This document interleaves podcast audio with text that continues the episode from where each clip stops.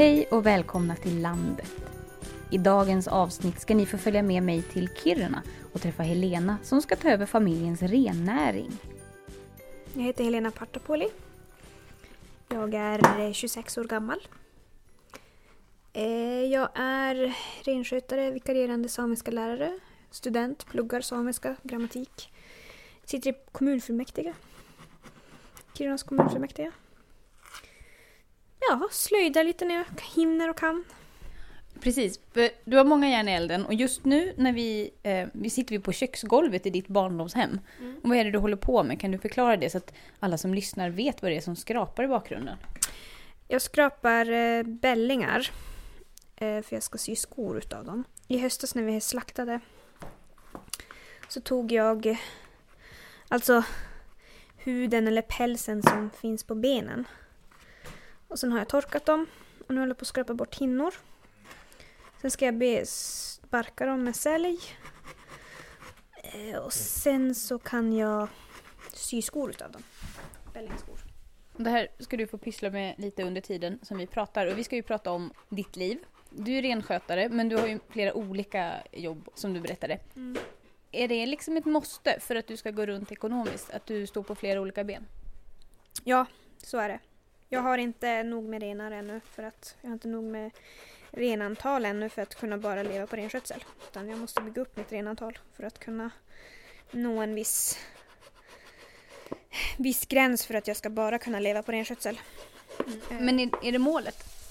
Ja, det är målet. Men samtidigt så gillar jag att ha lite olika projekt på gång också. Så att även om jag har ett mål om att renskötseln alltid ska vara grunden i mitt liv och det, jag, det som går först liksom.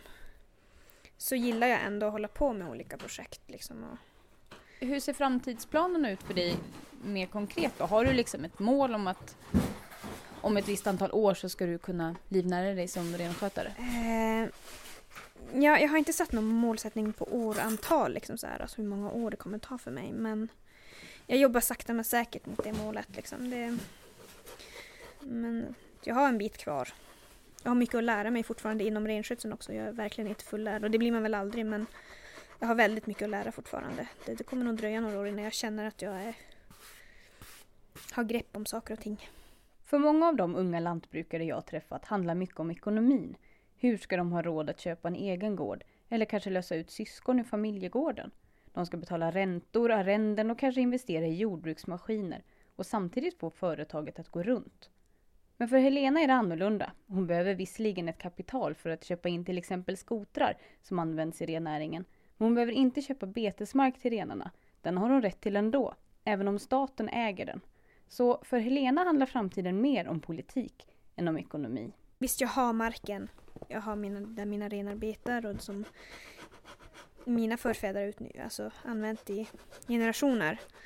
Det är ju det att vi måste kämpa för markerna och rättigheterna till dem fortfarande. Liksom att vi har ju till exempel gruvan här i, Kirunaområdet. Vi har ju LKAB som tar upp mer och mer arealer i och med stadsflytten men även att man börjar starta om och bygga upp de här gruvorna som finns i Svappavaaraområdet. Och det kommer, nu så har det lugnat ner sig lite för att malmpriserna har gått ner men vi har ju haft flera olika internationella gruvbolag eh, som har kommit hit och vill starta gruvor som har typ 10 till 15 års levnadstid på våra marker.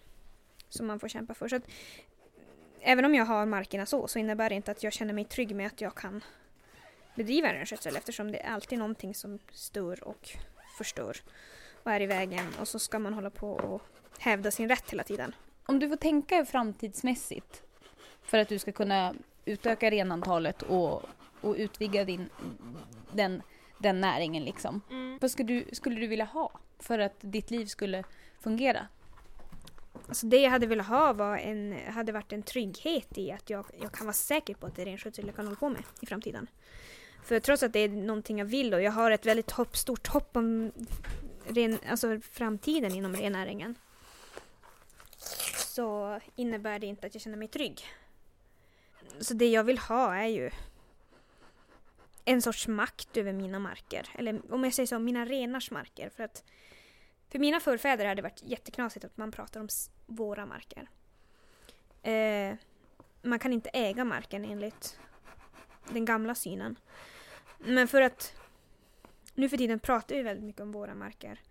Det är för att vi måste uttrycka oss på ett västerländskt sätt för att folk ska förstå vad det är vi menar. Så det är väldigt ambivalent att säga mina marker. Så jag kan säga mina renars marker. Eh, eller mina barns marker. Eller mina barnbarns marker. Liksom. Eh, och det, det, det är liksom det jag, det jag vill ha och det jag kräver. Det är liksom att jag ska faktiskt kunna bestämma om jag vill ha en gruva här. Eller om jag vill ha det här äh, skogsbolaget här. Eller om jag vill ha det här äh, vindkraftverket. Eh, så att vara renskötare innebär att du hela tiden ska vara i försvarsställning. Försvarsposition. Det är inte bara ekonomin och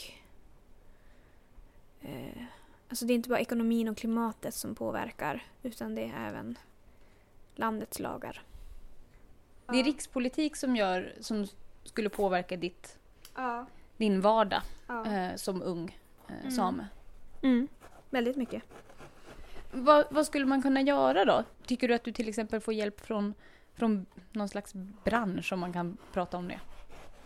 Alltså när det gäller eh, landsbygdsbranschen så där så är det ju som att vi ändå står lite grann utanför även om vi räknas, även om renskötseln räknas in i landsbygdsnischen liksom. Vi är där i, typ i landsbygdsdepartementet eh, och sådär. Jag menar Sametinget ligger under landsbygdsdepartementet. Eh, vi är som inne där i på det området men ändå så är det som att vi ändå är utanför liksom. Man har Så LRF till exempel, det är ingen, ingen lobbyorganisation som du känner företräder dig? Nej, de, nej, jag har aldrig hört talas om att någon från LRF har kontaktat renskötare och velat företräda dem. Det har jag aldrig hört talas om. Så att jag, Vilka är det, det hade ju varit fascin- Ja. det hade varit väldigt fascinerande om de gjorde det liksom. Att de faktiskt kunde tänka utanför boxen och bara ja men vi ska ju företräda landsbygden alltså. De här räknas väl också in i det liksom. Men eh, de, de som jag kan säga företräder oss det är väl SSR, Svenska Samernas Riksförbund. Sametinget till en pytteliten del. Eh, Sametinget är väldigt svårt att säga och väldigt många samebyar vill inte ha Sametinget som sin företrädare heller. Framförallt inte nu när vi har jakt och fiskesamerna i ledningen. Eh, så då upplever man inte att de jobbar för renskötseln. SSR, Svenska Samernas Riksförbund. Ja. Vad, vad gör de för dig då som du tycker är bra eftersom du ändå gillar det, deras arbete? De försöker ju lobba politiskt. Eh, nu har ju deras ekonomi gått neråt. Men de försöker ändå bidra och stötta och vara en, en, en vågskål liksom inom det politiska när det gäller renskötseln. Eh, de har ju jurister till exempel som hjälper som hjälper olika samebyar med juris, juridik, juridiska frågor till exempel. Vi har väldigt bra exempel som denna rättegång som var i i juni. Där eh, Girjas sameby har stämt Sveriges, svenska staten i fråga om eh, småviltsjakten. Samebyn vill ha en ensamrätt på den liksom och styra över den. Vi har haft med SSR att göra till exempel nu, juridisk hjälp nu när vi har hållit på med försöka jobba mot de här gruvorna och sådana saker. Det är ju som en organisation för alla samebyar i Sverige och sameföreningar även. Men det blir framförallt rennäringen då som de företräder och jobbar med. De hade ett projekt nu i, som avslutades nu som hette Aktevåta som handlar om att unga renskötare ska få lära sig hur styrelsearbete fungerar, hur politik i landet fungerar, hur alla lagar fungerar. Eh, de var till Kanada nu i, var det, i oktober, träffade urbefolkningen där. Eh, och det var ett väldigt uppskattat och bra projekt för det handlar ju om att man måste få in nytt blod i samebyarna och nya, nya sätt att arbeta och ja. Så att, eh, Och det är ju ett, ett väldigt konkret arbete för, för din generation då, ja. landsbygdsbor, eller vad man ska säga. Mm, det är ju det. Och det, det är ju väldigt mycket, för oss handlar inte det bara om att man vill vara ute i skogen och man vill jobba med renar. Och för oss handlar det mycket om att vi måste skydda renen och hennes marker. Så att vår, våra barn och barnbarn och barnbarnsbarn och har en rätt och en möjlighet att leva som vi lever idag. Finns det någonting mer du skulle behöva eller vilja ha för att för att kunna verka som ung same? Jag vet inte, nu, vi, vi diskuterade lite här innan om det här med startstödet. De har ju ändrat på den. Jag menar, jag kan till exempel inte söka den, eller jag ska i alla fall försöka söka den, men jag tror inte jag kan få den eftersom jag har haft mitt företag i över ett år. Eller nu blir det, ja den här, de här dagarna blir det ett år jag har haft mitt företag. Mm. Och det, det, är alltså att söka bidrag för att kunna eh, starta eget på Ja. landsbygden? Precis. Eh, de har ju ändrat den så man eh, får inte ha haft sitt företag i över sex månader. Vilket jag tycker är jättekonstigt. eh, det kan ju vara så att du har startat ett företag och kanske inte ens tänkt på att det finns ett startstöd. Och sen kommer du på att det finns ett startstöd. Men då kan du inte söka den om du har haft den mer än sex månader.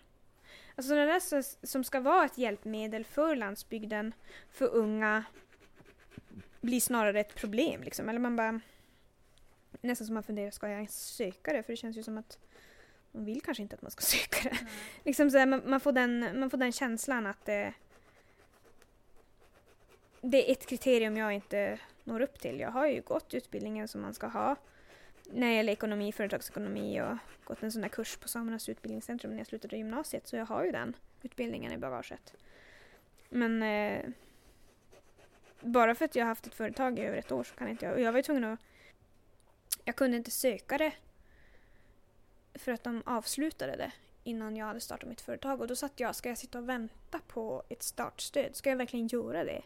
Jag har inte tid att sitta och vänta på ett startstöd. Nej, Oftast är det ju en process. Ja, Du ja. kanske är igång, du kanske har några, några grejer på G. Mm. Eh, som du behöver ha ett företag för att kunna få in de pengarna eller sådär. Mm. Då kan det ju bli väldigt hämmande. Mm. Jag tror att det är ganska många också som om man bor och verkar på landsbygden, man kanske eh, har planen att man ska ta över en familjegård till exempel. Mm. Man har ett företag vid sidan om och jobbar med saker för att på sikt kunna ta över eller för att kunna få ekonomi för att kunna lösa Mm. ut släktingar eller vad som helst. Det kanske är ganska vanligt Mm. att man faktiskt har haft ett företag innan man ska göra de där, vad ska man säga, de st- stora satsningarna. Ja, liksom. precis. Jag tror verkligen inte jag är ett ensamt exempel. Så det där är ju som en sån där...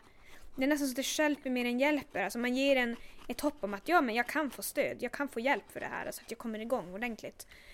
Men så har man skapat massor med regler kring det som gör att man bara, nej men jag kanske inte ens kan söka det för att det är så mycket olika saker som gör att mitt liv inte har passat in och det är ju mycket i ens liv som inte passar in i det byråkratiska, det är ju bara så. Speciellt när man lever som egen företagare. Och det jag är väldigt inställd på när det gäller, när det gäller renskötseln och mitt liv det är att jag absolut inte förväntar mig någon större hjälp eller stöd. Utan jag måste göra allting själv. Eller tillsammans med mina likar. Liksom. Eller vi, inte likar, men vi som håller på med samma sak. Att det är vi som måste samarbeta för att få det att funka. Jag förlitar mig inte på departement eller staten eller något sånt där utan min tillit till politiska system och byråkrati är inte så stort kan jag ju säga. Och, och det är inte du ensam om utan det, Nej. du känner igen det hos fler som bor på landsbygden? Ja, det tror jag nog. Det spelar nog ingen roll om du är renskötare eller inte liksom. Alltså den inställningen tycker jag väldigt mycket är ju det att vi klarar oss själva. Och man har väl en stolthet i att ja, men vi klarar oss själva. Vi, vi kör på liksom. Så får de komma på med alla möjliga lagar och hitta på vad de vill, men vi klarar oss. Eh, För mig låter det lite som när man, man känner att de har inte förståelse för vad jag, vad jag jobbar med eller vad jag gör. nej. Det känns som att på det sättet är det egentligen samma sak. Oavsett om, om det är rennäring eller om det är spannmålsbonde Ja. du håller på med. Att, att det finns, att det är någonting väldigt gemensamt. Ja, det är nog väldigt gemensamt. Alltså själva landsbygdspolitiken i sig i hela landet och har varit urusel de senaste åren. Allting handlar om centralisering. Och det har ju påverkat de här partierna som ska som påstår sig jobba för landsbygden. Alltså Centerpartiet men även Miljöpartiet. Tycker jag också har blivit väldigt sådär att jag menar de vill ju trissa upp bensin och diesel, så de här kostnaderna för att få ner klimat. Och jag förstår ju liksom målet med det hela men nu är det så att land, människor som bor på landsbygden har ingen bra koll, kollektivtrafik. Man måste kunna ha en egen bil för att kunna röra sig. Alla, jag menar vi, vi har, ju ett stort behov av av bränsle för vi använder skotrar och fyrhjulingar och eh, vi fraktar renar och liksom så här. Så, trissa upp bensinpriserna vet jag inte. Folk kommer ju betala i alla fall för man lever på landsbygden. Man kommer ju ändå köra bil. Man kommer ändå köra skoter. Man kommer ändå köra fyrhjuling. Alltså det där är som ett perfekt exempel. Man tänker inte utanför boxen. Ja men det är ju lätt om man bor till exempel i Stockholm eller Göteborg. Där finns det ändå en kollektivtrafik som faktiskt fungerar. Och folk behöver inte ha bil egentligen, alla. inte alla i alla fall. Men bor man på landsbygden oavsett var man än bor i Sverige så har man ändå ett behov av att man kanske bor i en by och så jobbar man inne fem mil inne i stan liksom. Och då pendlar du varje dag. För du vill bo ute i landsbygden, du vill bo i en by. Vad ska man göra då för att, för att motverka det där då? Att, att motverka att folk blir tvungna att flytta från en liten by närmare en större stad bara på grund av att det var där jobbet fanns, fast de egentligen vill, mm. vill bo. Eller ja, vad ska man säga? För att motverka urbanisering och, eller centralisering. Jag tror att man måste ändra på synsättet på landsbygden. Um, alltså det är ju en politisk fråga men eh, som alltså hitta alternativa sätt att spara pengar på. Men sen också ge en sorts syn på... Alltså, jag vet inte varför det är så här att... Det är det jag inte riktigt förstår hur... Hur den här polit politiken har kommit fram. Hur den här dåliga landsbygdspolitiken som bara fortsätter fortgå. Hur den har skapats. Men i norr så tycker jag väldigt mycket att man har en syn på sig själva. Inte bara att södra Sverige har en syn på norr. Utan norra Sverige i sig har en syn på att ja, det är inte värt att bo här om inte den här gruvan fanns. Vi är inte värda någonting om de inte hade de här skogsbolagen här. Vi är inte värda någonting om vattenkraften fanns här. Alltså den här exploateringssynen som man har, det är som en guldgruva Norrland. Eh, och de människor som bor där, de, de ska ha tur att de har de här äh, fantastiska exploateringsmöjligheterna. För annars skulle de inte kunna bo uppe i norr. Man har ett väldigt mindre värdesyn på, på norr eller landsbygden överlag. Liksom så här att, nej men vi måste centralisera för det blir billigare. Ja, men blir det billigare och blir människors liv bättre? Det är det som är frågan. Vad skulle du vilja ha? Skulle vilja ha en levande landsbygd. Det är mycket mer levande än vad det är idag. Jag menar nu är det mest folk som som verkligen vill, som bor på landsbygden. Att man man struntar i det politiska systemet, man struntar i det och man, man ser till att fixa det själv. Liksom. Att det är den typen av människor som, ja. som blir kvar? Eller alltså det, säga. Ja, det blir så. Att man bara, nej. Jag ska fan mig bo kvar här. Jag vill att mina barn ska växa upp här. Eh, och då får man ta smällarna med buss och taxiresor. Man får ta att man, ja, ska jag till läkaren så måste jag få till en mycket större ort som ligger 20-30 mil bort. Eh, Eh, händer det mig någonting, en olycka så får jag vara beredd på att jag, jag kanske dör för att ambulansen inte hinner fram eller ambulanshelikoptern inte hinner fram. Eh, alltså man, man, eh, man måste vara beredd på det för att leva på landsbygden. Det låter ju väldigt dystert. Ja men det är dystert, det, men det är ju så det ser ut. Alltså, jag, jag, det är så jag ser på dagens landsbygdspolitik. Eh, men alltså, och kommunerna måste ju själv också se möjligheterna. Det tror jag också är ett problem att kommunerna inte har lite svårt att se möjligheterna ibland i sin egen kommun. Att de har fastnat i någon slags självbild ja. att ja men ingen vill bo här. Ja precis. Istället för att försöka skapa och förlita sig på den befolkning som finns. Att det går att skapa nya företag, det går att utnyttja turistnäringen väldigt mycket. Det går att, inte utnyttja men alltså utveckla menar jag. Mm. Alltså det går att se möjligheter i annat än bara exploatering utav markerna. Jag tycker Pajala är ett perfekt exempel på att de hamnar verkligen i fällan. Staten Med gruvan där? Ja, gruvan där, Kaunisvaara. Där har vi ett perfekt exempel på att åh, nu, det var räddningen för Pajala kommun, men det var inte räddningen. Det slutade med att de, nu ska hela Sverige betala skattepengar för den här gruvans konkurs liksom.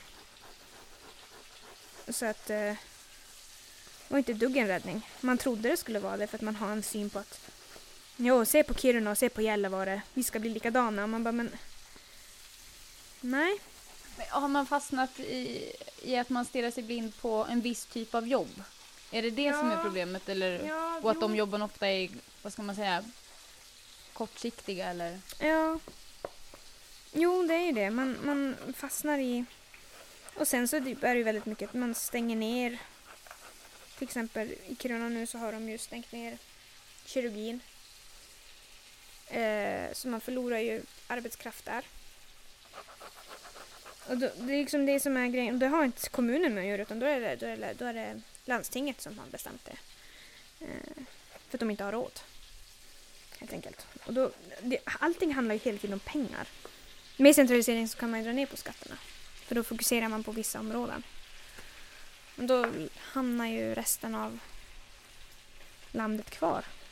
Vi som bor utanför de här Ja. områdena. Ja, precis. Ni har hört Helena Partapulli prata om landsbygden och framtiden. Tack för att ni lyssnade. Jag heter Ida Lindhagen och producerar podden Landet för Landsbygdsnätverkets räkning. Besök gärna deras hemsida landsbygdsnätverket.se.